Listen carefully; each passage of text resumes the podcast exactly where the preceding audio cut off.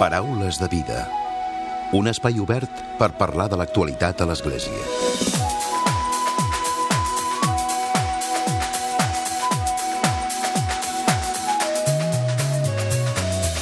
Salutacions i molt bon dia, molt bon diumenge. Fins al dia 28 d'octubre se celebra a Roma la quinzena Assemblea General Ordinària del Sínode dels Bisbes amb el lema Els joves, la fe i el discerniment vocacional.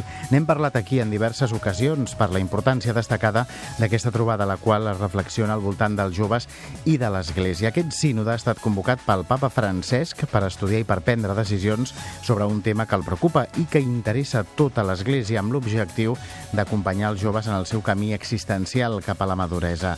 En aquest sentit, el papa Francesc vol reflexionar sobre com l'Església ha de complir la seva missió de convidar els joves a conèixer i estimar Jesucrist, anunciar-los el missatge de l'Evangeli i també ajudar-los a descobrir la seva vocació.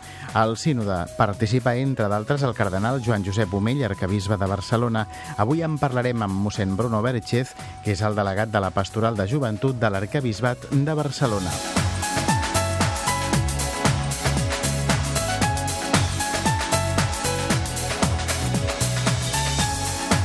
I com sempre, el programa s'acabarà amb el comentari de l'actualitat de Francesc Romeu. Comencem.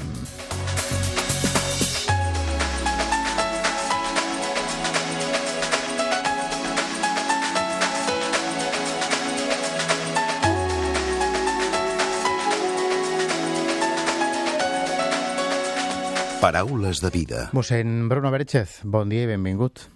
Bon dia, què tal? De fet, ja n'hem parlat al Paraules de Vida del Sino de, de Bisbes, que està, com dèiem, dedicat als joves, amb mossèn Bruno Berchez, i avui tornem a parlar, perquè de fet ja fa uns dies que està en marxa, tot i que mm, la informació que transcendeix és, és poca, oi, mossèn Bruno? Sí, sí, estem tot esperant, expectant, però arriba amb comptagotes.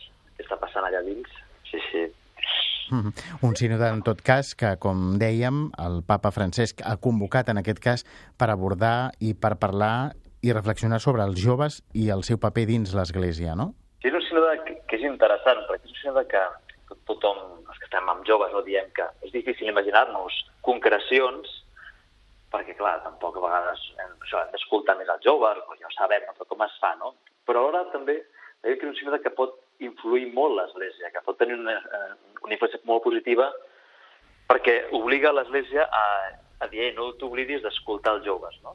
Que només el fet que no, tots aquests bisbes, que tots no són joves, no? el papa ja ho ha dit, ho ha dit a la seva intervenció, va dir, vosaltres no sou joves, no? però parleu de joves. Això ja els els està obligant a ficar-se una mentalitat juvenil. No? De certa manera que tot, tot el que significa la joventut, no? doncs novetat, creativitat, no tenir por a, això, a assumir riscos, sembla com si el papa també volgués dir a l'Església que ha de ser una mica més juvenil. No? I això en si mateix és interessant. Uh -huh.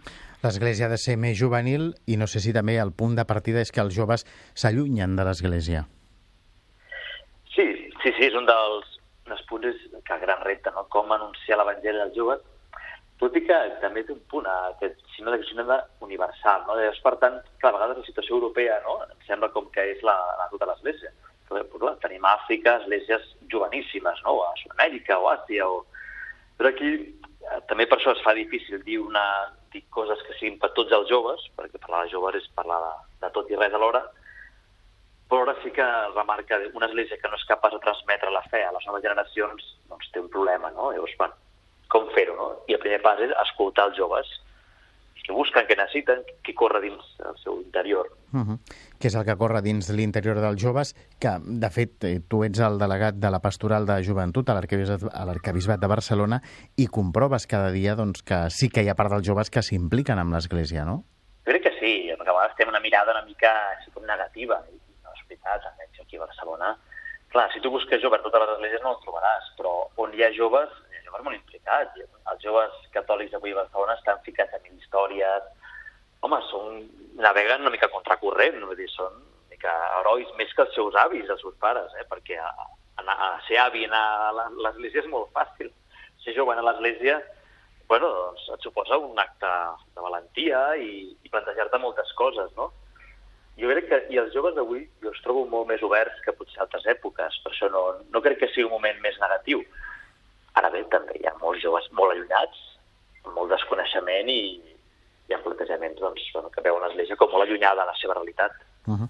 El sínode és una realitat en aquests moments. De fet, va començar, com dèiem, el dia 3 d'octubre, s'allarga durant tot el mes a Roma fins al dia 28 d'aquest mes d'octubre, però també s'ha fet, mossèn Bruno, una feina prèvia molt important. No? En els mesos eh, que han precedit el sínode s'han fet eh, documents, s'han fet consultes, qüestionaris, s'han fet trobades a, a nivell de, dels diferents bisbats i una mica per començar a recollir quines eren les inquietuds dels joves per tal de que això serveixi a tots els bisbes que ara participen en aquest sínode i que puguin reflexionar a partir d'aquestes qüestions, no? Sí, ells tenen davant una, una cosa que es diu l'instrumentum laboris, que és l'instrument de treball, que està realitzat, eh, són bastantes pàgines, realitzat a partir de, de moltes enquestes de tot el món, d'un presínode que es va fer, on jo sé gent que hi va anar, que hi havia joves catòlics i joves d'altres religions i joves no creients, també joves ateus, també hi havia.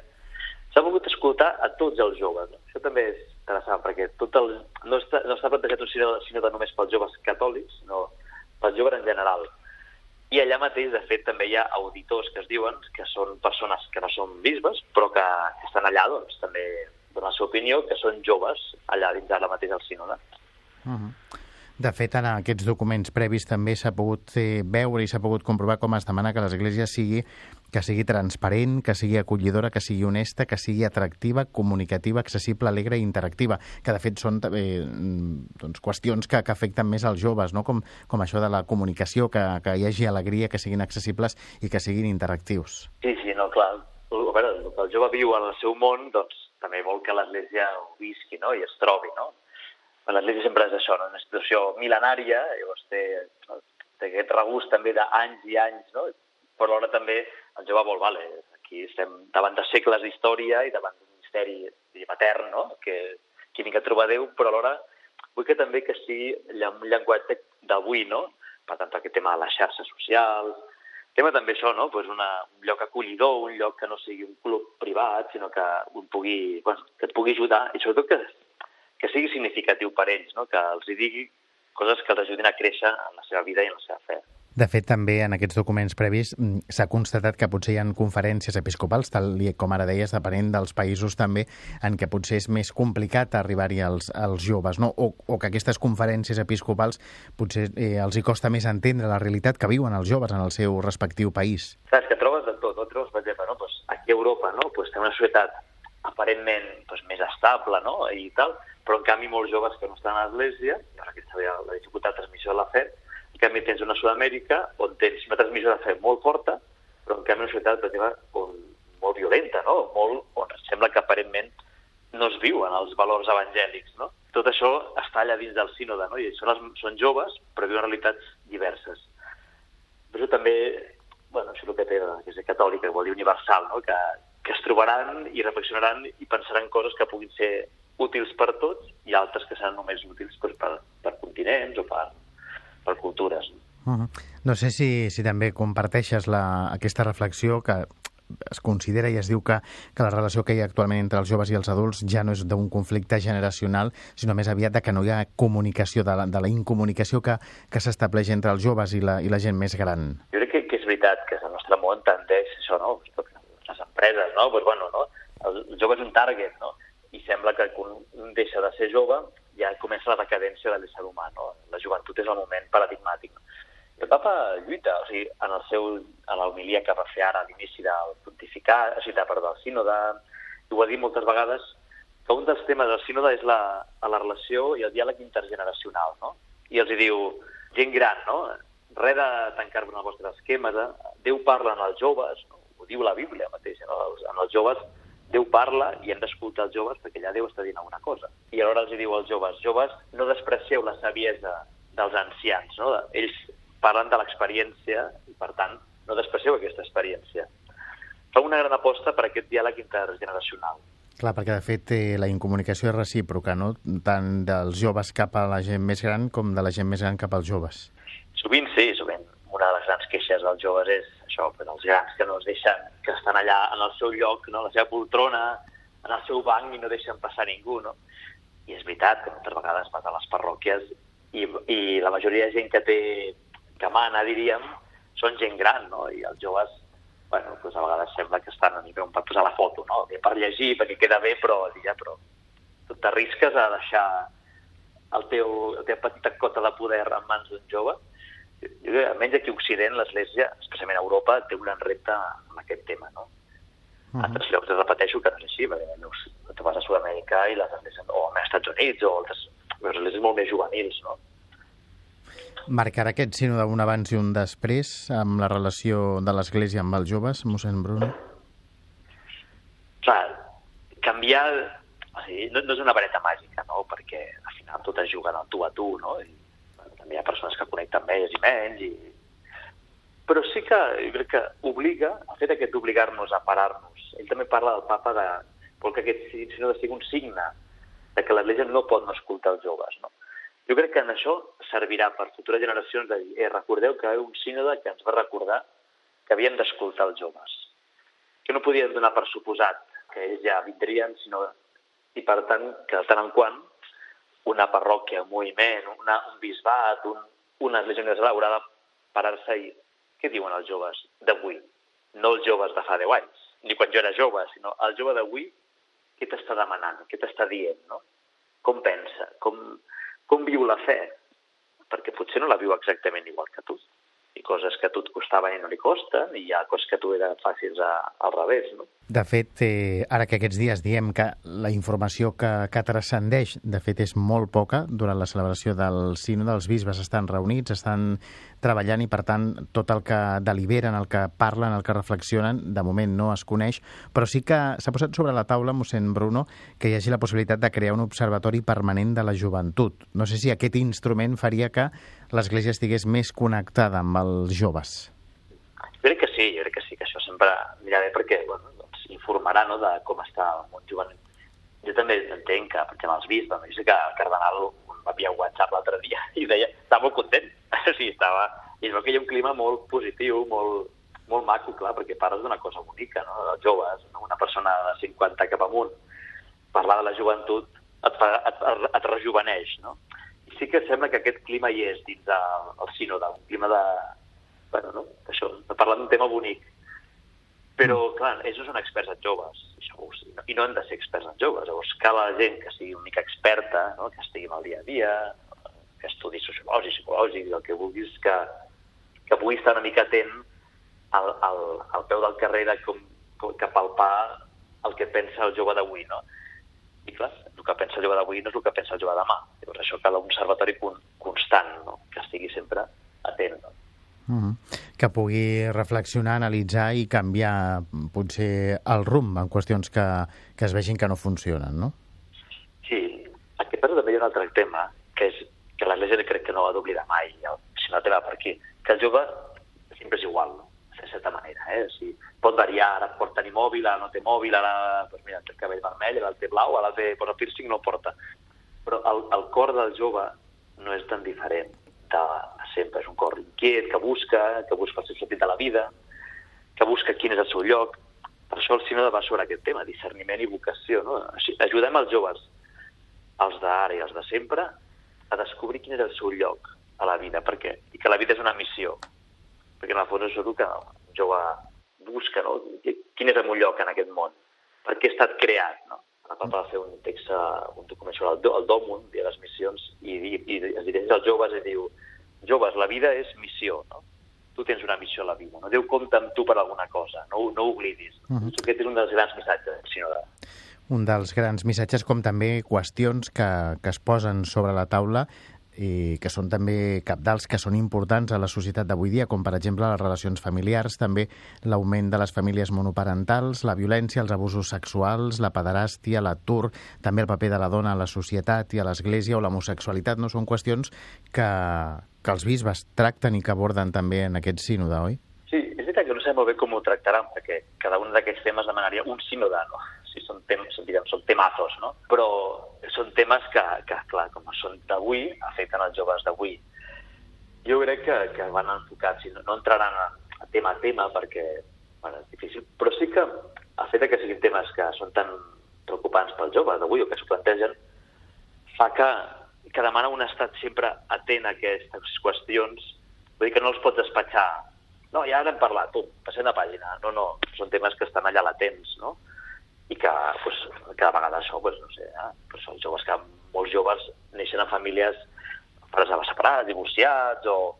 Bueno, i això crea uns joves també que a vegades aquest tema de l'estabilitat familiar pues, no, no l'han viscut a casa. Llavors, bueno, crea un tipus de jove que a vegades té por al compromís, té por perquè com és normal, perquè no ho ha viscut tant. Llavors. Però, és... que, que, mm. sí, digues, digues. però no, dic, sembla, no, però és un jove que l'Església també busca, no? També vol que, que hi sigui. Clar, tots, és que clar, l'Església és per tots. és, és, és, o sigui, el missatge és per tots. L'únic que es plantejarà, bueno, com ajudem a un jove no? a descobrir que Déu l'estima, per exemple, no? aquest tema que dius, com presentar un Déu que és un pare, no sé, quan el teu pare potser no saps qui és, no? O quan el teu pare, bueno, pues, potser no ha sigut tan perfecte, no? Planteja reptes, no? Però de, penso que això, que això és el, el que fa també interessant, que parlar dels joves és parlar del món d'avui. Uh -huh. Que són els qui més viuen, pateixen alhora també el món d'avui. De fet, el, la relació de l'Església amb els joves és el que marca mm, profundament també el pontificat del papa Francesc?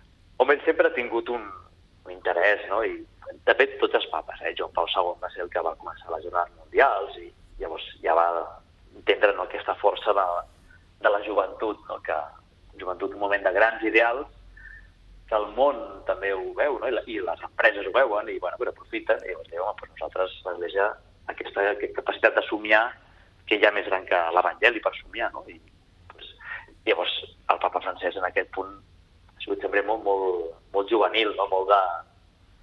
També ell té una actitud, ja ho ja veiem, no? molt espontània, molt, molt que els agrada als joves, no? perquè els joves se senten molt còmodes amb aquesta espontaneïtat del papa. Sí que el papa després, a, la, a les misses, és curiós, jo he estat en missa de la Mundial, es posa seriós a les misses, perquè vols dir-los que és com si els volgués dir, bueno, hi ha moments serios moments més relaxats, no? Mossèn Bruno, i ja per, per finalitzar també, ets el delegat de, de la pastoral de joventut de l'Arcabisbat de Barcelona. El dia a dia la vostra delegació com, com és? Doncs, eh, bueno, un dia bastant mogudet, sempre, doncs, des de tenim des d'anar a veure pues, realitats, anar a veure grups, veure mossens, parlar de joves, amb, parlar de, de com, diguem, nosaltres acompanyem els que acompanyen, no? O intentem estar al seu costat, com podem. Després també realitzant activitats, muntem bueno, eh, hi ha activitats amb joves que fan a voluntaris i no sé, estem al Cafè Llucat o fem, no sé, anem a peregrinatge a Loyola, una activitat per adolescents, o... És una vida bastant moguda perquè, clar, els joves demanen molta moguda. També acompanyem els joves de les universitats, també amb els diferents grups que hi ha, i crec que la nostra tasca és molt dinamitzar. No, no, nosaltres no fem xerrades, no fem conferències. Nosaltres ens dediquem a, a mobilitzar i que hi hagi vida, que el jove trobi en l'Església vida, no? I, i que pugui trobar-se amb altres joves, i que pugui descobrir l'Evangeli, i que pugui també, doncs, per què no, presentar-lo a altres joves no? que no coneixen. De fet, ara aquest sínode, com diem, s'allarga fins al dia 28 d'octubre i, i segurament no en sabrem gaire cosa un cop fins que no hagi finalitzat, oi, mossèn Bruno? Sí, l'esquema és que o sigui, ara fan al matí doncs, treballen, hi ha ponències de xerradetes, llavors després fan grups de treball, llavors tot això es va com redactant. No? Llavors, quan s'acaba el sínode, fan una, una redacció, llavors es presenta com un, com un resum del sínode al papa. Llavors el papa pot fer una exhortació apostòlica, diríem, no? que és un text que tarda més o menys, pot tardar mig any, així, que on recull tot el que ha dit el sínode, més hi posa la seva impronta personal. I llavors eh, segurament sortirà un document que serà sobre el tema de la joventut. No? Uh -huh. A la família va haver Amoris Letizia, no? com va haver un sínode de nova evangelització va ser Evangelo Gaudium. No? Pues aquest serà un text on el papa segurament dirà, hi haurà reflexions, hi haurà doncs, orientacions, i hi haurà també algunes propostes concretes també. Uh -huh, d'aquest sínode. Mossèn sí. Bruno Berchez, delegat de la Pastoral de Joventut de l'Arquebisbat de Barcelona. Gràcies per haver-nos acompanyat avui. Oh, Paraules de vida. Un espai obert per parlar de l'actualitat a l'Església. I ara arriba el comentari de l'actualitat de Francesc Romeu. Francesc, molt bon dia. Molt bon dia a tothom. Aquesta ha estat la primera setmana sencera de treball del Sínode de Bisbes que parlàvem ara, que s'està celebrant a Roma fins a finals d'aquest mes d'octubre sobre el tema els joves, la fe i el discerniment vocacional. Aquesta primera setmana s'han fet el que s'anomenen els cercles menors, que corresponen a la primera part del Sínode, en un format de petits grups de treball reunits per idiomes. Una preocupació comuna que ha aparegut en aquests grups ha estat la de procurar que l'Església recuperi la credibilitat davant els joves, amb temes concrets com els de la credibilitat de la jerarquia eclesiàstica davant els joves a causa de les turbulències internes de la cúria o els escàndols dels abusos, que mostren les greus problemàtiques que travessa l'Església actual. Durant una de les primeres conferències de premsa que hi ha hagut, el cardenal Gerard, Gerard Cyprien Lacroix, arcabisbe de Quebec, pare sinodal i membre de la comissió per la redacció del document final del sínode, va reconèixer que en aquests cercles menors s'ha esmentat l'assumpte d'aquestes turbulències dins de la cúria romana. Sí, digué, perquè forma part de la realitat actual i per descomptat no hem evitat el tema. En aquest sentit va assenyalar que la funció dels pastors de l'Església i també dels laics és transmetre l'Evangeli. Tots els membres de l'Església, no només els membres del clergat, tots els membres de l'Església han de testimoniar la fe. No estaríem en aquesta situació de corrupció si testimoniéssim veritablement la fe. El portaveu també es va referir al tema dels abusos sexuals, que segueix estant molt present en els treballs del sínode. En els nostres grups de debat hem dit que hem de donar una formació millor als religiosos, als moviments i a les associacions sobre la sexualitat. Necessitem fer una crida a la conversió, començant per nosaltres mateixos. Cal afrontar els problemes cara a cara amb els joves, va continuar el cardenal Ciprián. Cal guanyar novament l'estima, la confiança dels joves. Cal parlar directament als joves i nosaltres hauríem de reconèixer les nostres faltes. La conversió és important perquè en absència d'una conversió veritable, aquestes són paraules buides. Només el testimoni veritable pot funcionar. Sobre aquest assumpte també es va expressar el cardenal Oswald Gràcies, arcabisbe de Bombay a la Índia, president de la Conferència Episcopal de la Índia i pare sinodal. Ell va afirmar que l'Església no vol estar en situació de defensiva, sobre aquest tema i ha assegurat que hi ha entre els bisbes la voluntat de parlar d'aquesta qüestió. És precisament aquesta voluntat de parlar-ne la que està portant que aquest tema es converteixi en un dels més debatuts en els treballs sinodals. Hem debatut aquesta qüestió que forma, de forma profunda. Volem una església autèntica i els joves també. Volem una vida més autèntica dels membres de l'església i viure amb honestedat. Aquest és el nostre objectiu. A més d'aquests temes exposats, van tenir especial presència d'altres assumptes, com el del paper de la dona en l'Església, la situació d'inseguretat social i econòmica en què viuen molts joves en països en vies de desenvolupament, l'interès per la litúrgia i la implicació dels joves en la presa de decisions de l'Església. Per la seva part, el prefecte de la Secretaria de Comunicació, Paulo Ruffini, va detallar davant dels periodistes que durant la tercera i quarta congregació els pares sinodals van dedicar les seves intervencions a les diferents problemàtiques que afecten els joves del món, entre elles la sexualitat, la manca de treball, la migració i l'explotació de xarxes de tràfic. I també va avançar la possible creació d'un Consell Pontifici pels joves i de treballar per un autèntic canvi de llenguatge en l'Església, perquè així apropar-se més als joves amb, amb més empatia. Sobre el tema del sexe i la castedat prematrimonial, Rufini va dir que, per respectar la castedat, molts joves es casen molt aviat i sense un veritable camí, i llavors es creen separacions mentre que altres joves no aconsegueixen seguir la seva vida de parella sense relacions i llavors també s'allunyen de l'Església. Per tant, tot un dilema. Per acabar, també s'ha fet públic el projecte de presentació d'un nou llibre que es titula La saviesa del temps i que recopila 250 històries de vida comentades pel papa Francesc. Això es farà en una trobada de diàleg intergeneracional entre joves i gent gran que se celebrarà a Roma el proper dimarts 23 d'octubre, en ocasió del Sínode de Bisbes. Molt bon diumenge a tothom!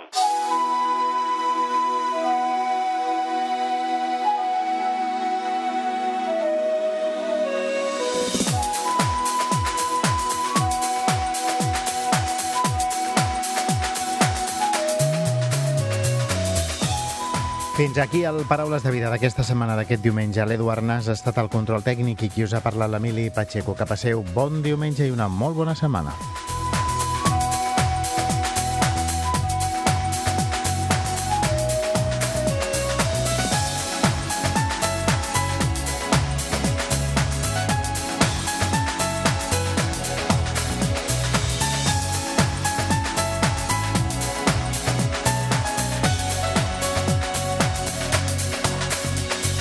Paraules de vida. Us oferim la carta dominical de l'arcabisbe de Barcelona, Joan Josep Omella.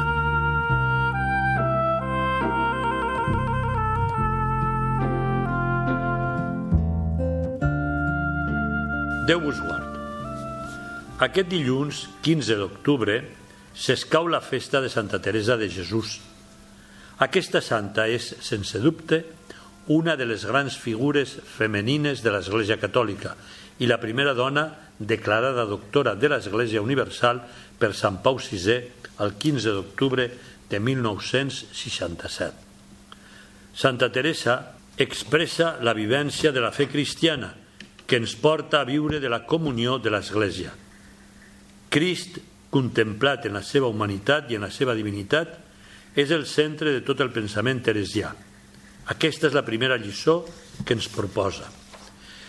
Hem d'aprofundir més en el coneixement de Crist, en la seva realitat humana i en la seva realitat transcendent.